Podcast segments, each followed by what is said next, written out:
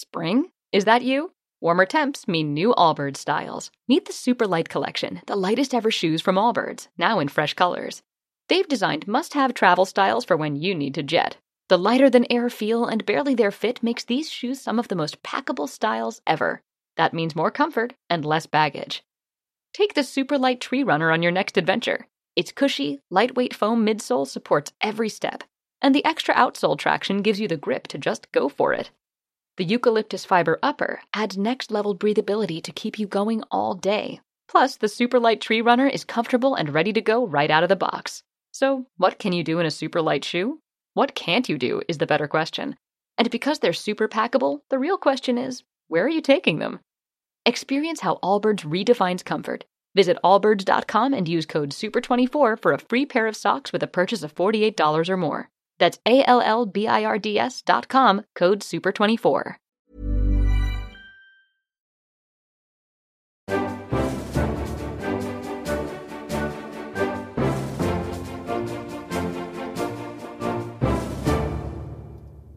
Well, I think the only card she has is the woman's card. She's got nothing else going. And frankly, if Hillary Clinton were a man, I don't think she'd get 5% of the vote. The only thing she's got going is the woman's card. And the beautiful thing is, women don't like her, okay? And look how well I did with women tonight, okay? Slik har Donald Trump seg nylig, og dermed har vi slått an tonen. Denne utgaven av Aftenposten Verden skal handle om USA, politikk og kvinner. Mitt navn er Alf Ole Ask. Det synes klart at USA for første gang vil få en kvinnelig presidentkandidat i Hillary Clinton. Samtidig ser vi at USA er et u-land på viktige familiepolitiske områder. I det politiske systemet er kvinner underrepresentert. Vil en kvinnelig amerikansk president gjøre noen forskjell, spør vi. Og med meg for å svare på dette har jeg USA-korrespondent Kristoffer Rønneberg og utenriksmedarbeider Kristina Pletten. La oss starte med deg, Kristoffer. Hillary betegnes som uspiselig, men ustoppelig, om man skal oversette til folkelig norsk det The Economist omtalte henne om i forrige nummer. Vil man sagt det samme om en mann? Det tror jeg man godt kunne gjort uh, om denne konkrete politikeren. fordi det er veldig mange som misliker Hillary Clinton i USA. Og jeg tror hun har 99 problemer med det å være kvinne. Det er ikke nødvendigvis ett av dem. Når Donald Trump nå plutselig har trukket fram kvinnesaken som et av hennes svakhetspunkter, så tror jeg han har gjort en kjempetabbe. Uh, og det tror, jeg, det tror, jeg, han også innså ganske kjapt uh, etterpå, selv om han ikke har uh, akkurat bedt om unnskyldning for å, for å, ha sagt det. Vi så jo hvordan Clinton nå brukte dette her for alt det var verdt. umiddelbart samme kvelden som Trump sa dette her, så gikk jo Clinton ut og sa ja, hvis, hvis dette er å spille kvinnekortet, så deal me in, sa han. Og Dagen etterpå så fikk jeg en e-post uh, fordi jeg står på, på mailinglisten som, uh, uh, som, som, hun sender ut til alle tilhengerne sine og andre som følger med, hvor hun har begynt å selge kvinnekort, altså fysiske kort, hvor det står 'The Women's Card', hvor man kan donere penger til Hillary Clinton, og så får man dette kortet i, i posten. Så jeg tror dette her for henne det, det har vært en, en positiv sak, og det, det kommer hun til å bruke massevis i, i månedene som kommer. Ja, jeg tenker også det at eh, jeg har litt vanskelig for å se hva Donald Trump har trengt her helt strategisk. altså hva han har tenkt å vinne på å spille dette, eh, eller komme med dette utspillet. Det, det virker som han, eh, han, spiller ballen rett inn i, i Hillary Clinton sine hender. Ja, Så tar han jo feil også. Altså, han sier at uh, den, den, vakre tingen er at kvinner ikke liker henne. Og, og så ber han oss om å se på hvordan kvinner har, har stemt på han. Og i alle nominasjonsvågene hittil så har jo kvinner overvelden, i overveldende grad rømt unna ham og flyktet. Mm. Uh, vi ser på, på målinger og et gjennomsnitt av målingene. 69% av kvinner har et negativt syn på Trump, og det er kun 19% som er positive. Så jeg er helt enig med Kristina. Hva i all verden han har tenkt for å, for å få dette til å bli en vinnersak, det, det, er et mysterium. Men eh, nå, nå skal det jo sies at uh, vi har uh, tatt feil av Trump før, mange ganger. og det har jo vist seg at, at hans noe underlige strategi uh, har, har, ført han ganske langt, så who knows. Men la oss, la oss holde oss litt til, til, eh, denne valgkampen. Hvis vi ser tilbake på, på, alle disse Og dette har vært en eh, berg-og-dal-bane-valgkamp, for å si det forsiktig. Eh, så har jo Trump kommet med opptil flere uttalelser som har vært rimelig kvinnenedsettende. Den, den, vi nå spilte av innledningsvis, her er jo en av de penere. Jeg tenker på rundene han hadde med Meghan Kelly, og, og hvor han hadde disse hentydningene til, til, at hun hadde menstruasjon. Da hun spurte han ut. Gjenspeiler det språket vi nå eh, ser også på en måte kvinnenes stilling i det politiske Amerika, Kristoffer? Jeg tror vi kanskje alltid glemmer akkurat det punktet der. At USA er eh, langt bak Europa, og kanskje spesielt Norge, når det gjelder eh, kvinnesaken. Eh, det er mye vanligere for kvinner å være hjemmeværende her enn hva det er i Norge. Det er mye vanligere å ha liksom macho, et machospråk og en machokultur som ikke vi ville kjent igjen, og i hvert fall ikke akseptert i, i Norge. Så jeg, jeg, tror nok at det, Dette var jo sånn valgkampen startet, på en måte, uh, med denne Meghan Kelly-kontroversen. for det, var den aller første debatten i august, hvor Donald Trump Det første spørsmålet han fikk fra Meghan Kelly i den debatten, var du har sagt alle disse negative tingene om kvinner. Hvordan tror du at du skal kunne klare deg i valgkampen når du er så fiendtlig mot kvinner? Og så Svaret hans var jo da å antyde at hun hadde en menstruasjon uh, fordi hun stilte det spørsmålet. Så eh, Det at han har klart seg eh, så langt, det indikerer jo kanskje at, eh, at det er en viss aksept for det mm, litt sånn mannssjåvinistiske språket som Trump bruker. Men jeg er fortsatt, altså selv om vi har tatt feil om Trump tidligere, så er jeg fortsatt usikker på hvor langt det kan ta ham når det gjelder støtte fra, fra amerikanske kvinner. Også. Nå skal det sies at, at, USA har på en måte et slags sånn schizofrent forhold til, til, feminisme. fordi at det er jo på mange måter feminismens hjemland. Det var der veldig mange av disse bevegelsene startet på 50-60-tallet. Og noen av de mest fremtredende og ledende feministene eh, er jo også de som har liksom preget Hillary sin, sin spede ungdom. Så hun er jo liksom fra den klassiske amerikanske feministgenerasjonen. Og amerikanerne har jo også eh, hatt en eh, en høyere bevissthet om enkelte ting, f.eks. seksuell trakassering, var de langt uh, foran med i forhold til Europa og Norge. Uh, men samtidig så er det riktig som Kristoffer sier, at, uh, at på, på, veldig mange felt så, så, er, så, er, liksom den tradisjonelle kvinnerollen er veldig mye mer, mer fremtredende. Og det er en del ting som vi bare tar for gitt i Norge. Altså tilgang til prevensjon, tilgang til abort. I veldig mange stater så finnes det nesten ikke abortklinikker lenger. Um, tilgang til svangerskapspermisjon. Um, en, en, rekke sånne ting som bare er selvsagt i Norge, som ikke finnes i USA. Det, jo, la oss, la oss uh, holde fast på det som du var inne på nå, Kristina. Uh, på flere sosiale områder så går jo USA faktisk i en mer uh, liberal retning. Jeg tenker ikke minst på på ekteskap mellom to av uh, samme kjønn, som, som mm. jo nå i delstat etter delstat blir tillatt, og som hvor amerikanske høyesterett uh, jo er uh, en ren progressiv mm. kraft. Mm. Mens f.eks. abortrettighetene begrenses både lokalt og, og, og, sentralt. Ser vi liksom, Er det riktig at man da på en måte har en slags war on, om ikke en war on women, så en war on fertile kvinner? Altså at, at, at liksom kontrollen over over denne slags uh, fødselen, fødselsorganene er en slags politisk kamp? Ja, det er jo på en måte det. Og akkurat de to sakene du nevner da, er interessante. Fordi at uh, hvis du går 10-15 år tilbake i tid, så var både eh, homoekteskap og abort var to saker som på en måte oppildnet de kristne velgerne, og det var veldig klare egentlig vinnersaker for høyresiden. Og så har den ene tiltet helt, Eh, altså unge velgere eh, er i overveldende grad for homoekteskap, eh, også konservative unge velgere. Mens abort står fortsatt veldig på en 50-50 fordeling. Og det har jo vært en rekke rare uttalelser fra republikanere de siste årene når det gjelder kvinner og, og reproduktiv helse. Det var vel en senator, det, jeg tror det var i forrige valgkamp han senatoren som sa at, eh, at når kvinner blir voldtatt, så kan de velge å ikke bli Eller så velger kroppen å ikke bli gravid, eller noe ja, sånt. Altså, det. Ja. det. har vært noen sånne utrolig skadelige saker for det republikanske partiet. Um, Kristoffer, uh, du har vel også uh, jobbet litt med dette her, denne problemstillingen om abort, og dette her at det, at liksom det ja, altså, betente aldri jo... forsvinner, da?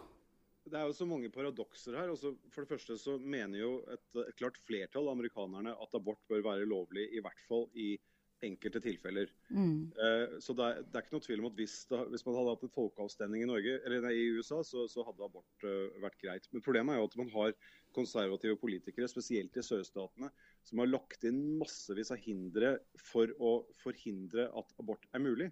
Mm. Og Jeg gjorde en sak i, i, november i fjor som jeg tenker er den du, ja. den du tenkte på. Mm. Hvor jeg dro til, til Louisiana, til New Orleans, og oppsøkte en abortklinikk der. Og, og, bare bli fortalt av de som drev det senteret, og også av kvinner som hadde tatt abort, hvor mange eh, sånne prosesser de måtte gjennom for å få lov til å gjennomføre det inngrepet. Det, det er jo til å bli eh, kvalm av. Altså, mm. For det første så, så skal man eh, vente i flere dager etter at man har hatt den første testen.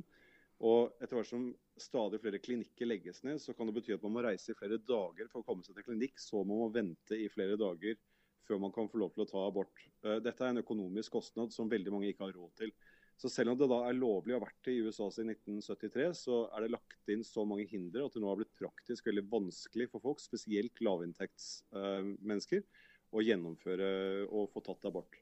Og så har du, det er et stort problem i, USA. Og I tillegg til det, som jo er i samme gaten, så har du jo denne diskusjon rundt Planned Parenthood, som jo er en organisasjon mm. som eh, virkelig eh, jobber mye med å ta seg av, av kvinners eh, helse, som driver prevensjonsveiledning, eh, og som tilbyr eh, abortrådgivning osv. Og, og som man nå ser at særlig republikanerne da forsøker å og, og, og, trekke det økonomiske teppet under, under, beina på det. Det, det, er interessant at du nevner det. for det, det, det fremste øyeblikket for, for Carly Fiorina i høst, eh, som var um, den eneste kvinnen på, på høyresiden, den eneste kvinnelige kandidaten, var jo når hun i en debatt trakk frem noen videoer som har sirkulert og oppildnet eh, folk veldig mot Planned Parenthood, der det hevdes at leger driver og høster eh, organer fra eh, fostre mens de fortsatt er i live. Og, og Fiorina står da på debattscenen og beskriver at babyen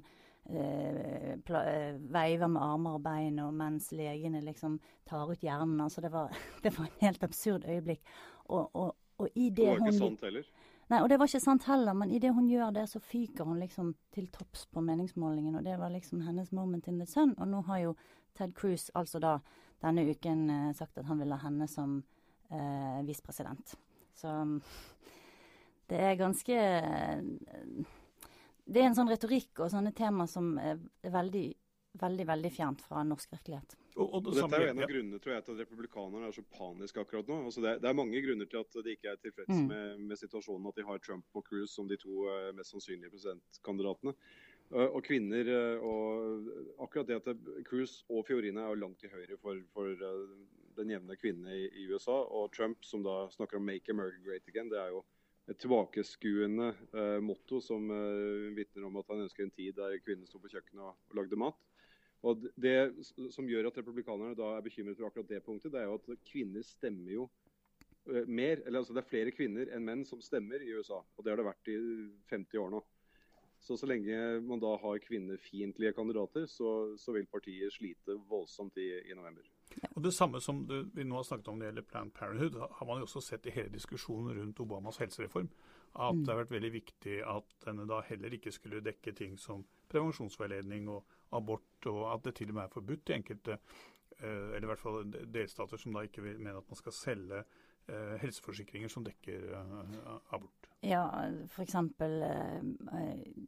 bedrifter som er drevet av den katolske kirken, altså som er drevet av veldedige skoler f.eks., som er drevet av den katolske kirken, eh, vil ha forbehold om at, at de skal betale for en helseforsikring der eh, prevensjon f.eks. Um, er en del av pakken. Så um, ja, hva skal man si. Jeg, jeg, jeg ville bare si at uh, når vi snakker om Donald Trump, så skal det jo sies at han er jo en litt sånn equal opportunity offender. For han har jo også da sagt stygge ting om Carly Fiorina. Han har vel sagt noe sånn veldig stygt om ansiktet hennes eller noe sånt. Så, så, han er i hvert fall ikke partisk i sine fornærmelser. Han uh, slår i alle retninger. Men hvis man da ser på, på Kongressen uh, Nå kan da USA kanskje få en kvinnelig president, men, men hvis man ser på Kongressen, så er det altså 100 Fire eh, av 535 medlemmer eh, i Senatet hus som er kvinner. Altså det er 20 det er 20 i Senatet, 20 eh, og det er eh, omtrent den samme prosentandelen i, i eh, Representantenes hus. Ser man på gjennomsnittsalderen, så er den altså henholdsvis 57 år for, eh, i Representantenes hus og 62 for senatorer. Altså den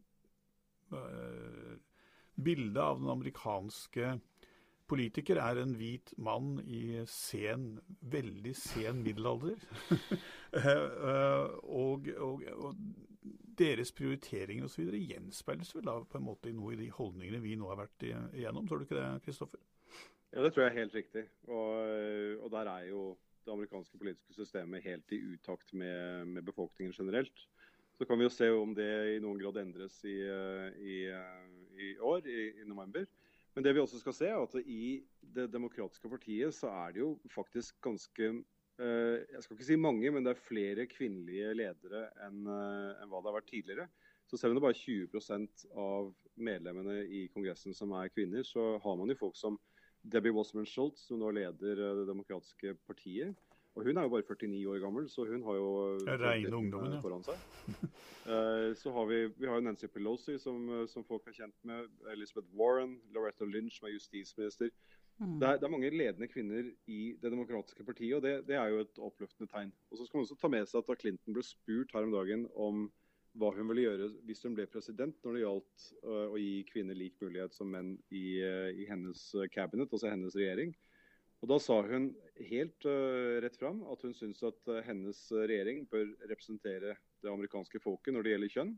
At hun også vil ha 50% kvinner på bordet rundt seg. Og Det vil jo så fall være en revolusjon i, i USA.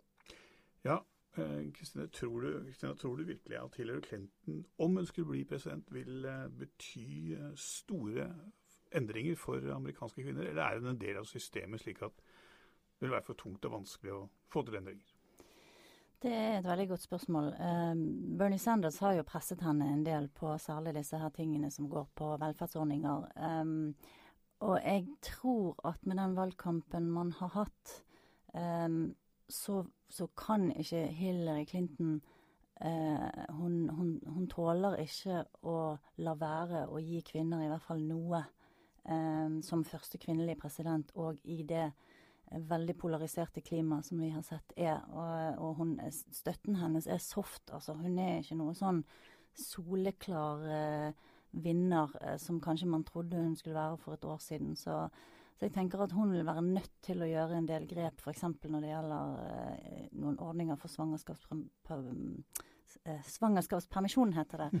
Og også eh, kanskje barnehageordningen, og se på en del sånne, sånne helt sånn grunnleggende ting som gjør hverdagen så utrolig vanskelig for veldig, veldig mange kvinner i sånn lavere middelklasse og arbeiderklassen. Tror du det blir en stor endring, Kristoffer? Jeg tror at uh, tidene krever det. Eh, jeg tror at de som er, jeg tror ikke, men målinger viser at uh, unge amerikanere i dag, altså folk fra, ja, fra myndig alder og oppover til 35, har helt andre krav til samfunnet enn uh, hva vi som er litt eldre har. Og, og I det så ligger bl.a. Uh, større og bedre støtteordninger for eh, svangerskap, altså for uh, familiepermisjon, kaller vi det vel. Altså etter at man, at man skal ha i hvert fall tre måneder fri med lønn etter at man har fått barn. Noe man ikke er garantert i, i USA i dag. Man er ikke garantert noe som helst? i realiteten. Nei, det er, det er helt sant. Og så er det noen og, selskaper som har en sånn merkelig ordning. Jeg tror det er Google eller en av de store IT-selskapene som har startet med sånn um, åpen svangerskapspermisjon, så du kan velge selv hvor lang tid du trenger. Og det jo, høres jo veldig fint ut, men veldig mange sier jo OK, men det som skjer da, er jo at det blir et sånn race to the bottom. ikke sant? Det blir om å gjøre å ta ut minst mulig for å, å, å holde jobben og vise at du er liksom på. Så det er, en, det, er en, eh, det er en, prosess eh, som jeg tror amerikanerne har eh, ganske langt igjen på. Men Kristoffer, eh, du har nå reist rundt på valgarrangementene også til Hillary og til Bernie Sanders.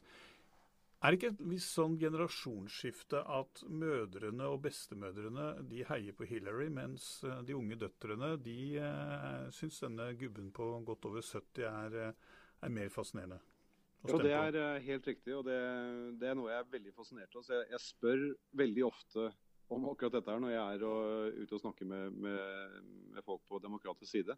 Fordi det er nesten utelukkende at uh, unge kvinner de stemmer på, på Bernie Sanders, og, og, eldre kvinner, altså mødrene deres, de stemmer på Hillary fordi hun er kvinne. Eh, altså Ikke bare derfor, men de trekker fram det som et argument.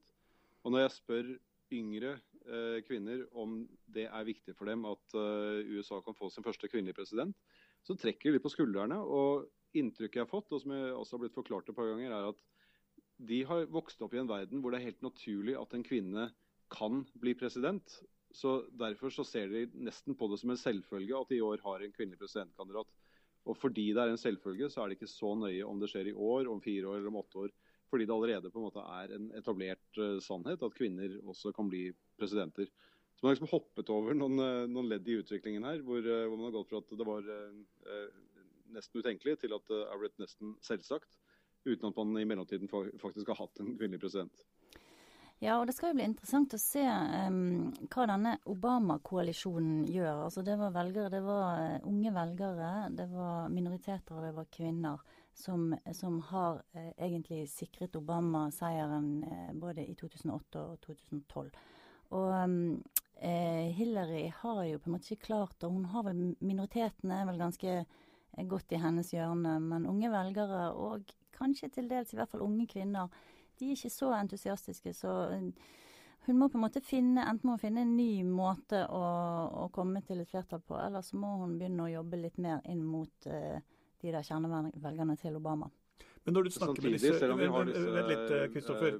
Eh, når du snakker med disse ungdommene på disse møtene, sier de at det er Sanders eller ingenting, eller kan de tenke seg å gå over til Hillary når hun blir nominert? Ja, akkurat nå så er de veldig engasjerte. Så Bernie or Bust-kampanjen uh, og andre tilsvarende, de, er veldig sterke. Men jeg tror at hvis spørsmålet blir om man skal stemme på Clinton eller Trump, så vil nok mange av de som i dag uh, sier at de aldri i livet kunne tenke seg å stemme på Hillary, jeg tror de ganske raskt vil, vil snu og, og, ombestemme seg på, på det punktet. Fordi de fleste Eh, i hvert fall på demokratisk side er veldig enige om at en Trump som president ville vært en katastrofe for, for, USA. Så Trump vil føre til at de stemmer, da?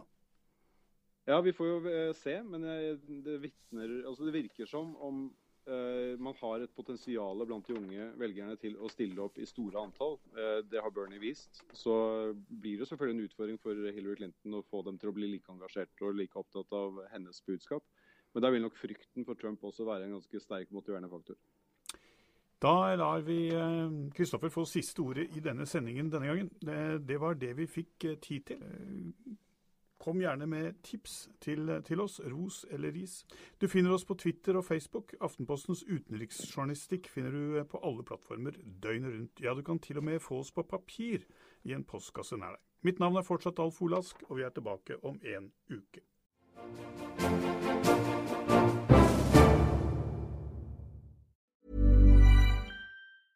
Spring, is that you? Warmer temps mean new Albert styles. Meet the Superlight Collection, the lightest ever shoes from Allbirds, now in fresh colors. These must have travel shoes have a lighter than air feel and barely their fit that made them the most packable shoes ever. That means more comfort and less baggage. Try the Superlight Tree Runner with a cushy foam midsole and breathable eucalyptus fiber upper. Plus, they're comfy right out of the box. So, what can you do in a superlight shoe? What can't you do is the better question. And because they're super packable, the real question is, where are you taking them? Experience how Allbirds redefines comfort. Visit allbirds.com and use code SUPER24 for a free pair of socks with a purchase of $48 or more. That's A L L B I R D S.com code SUPER24.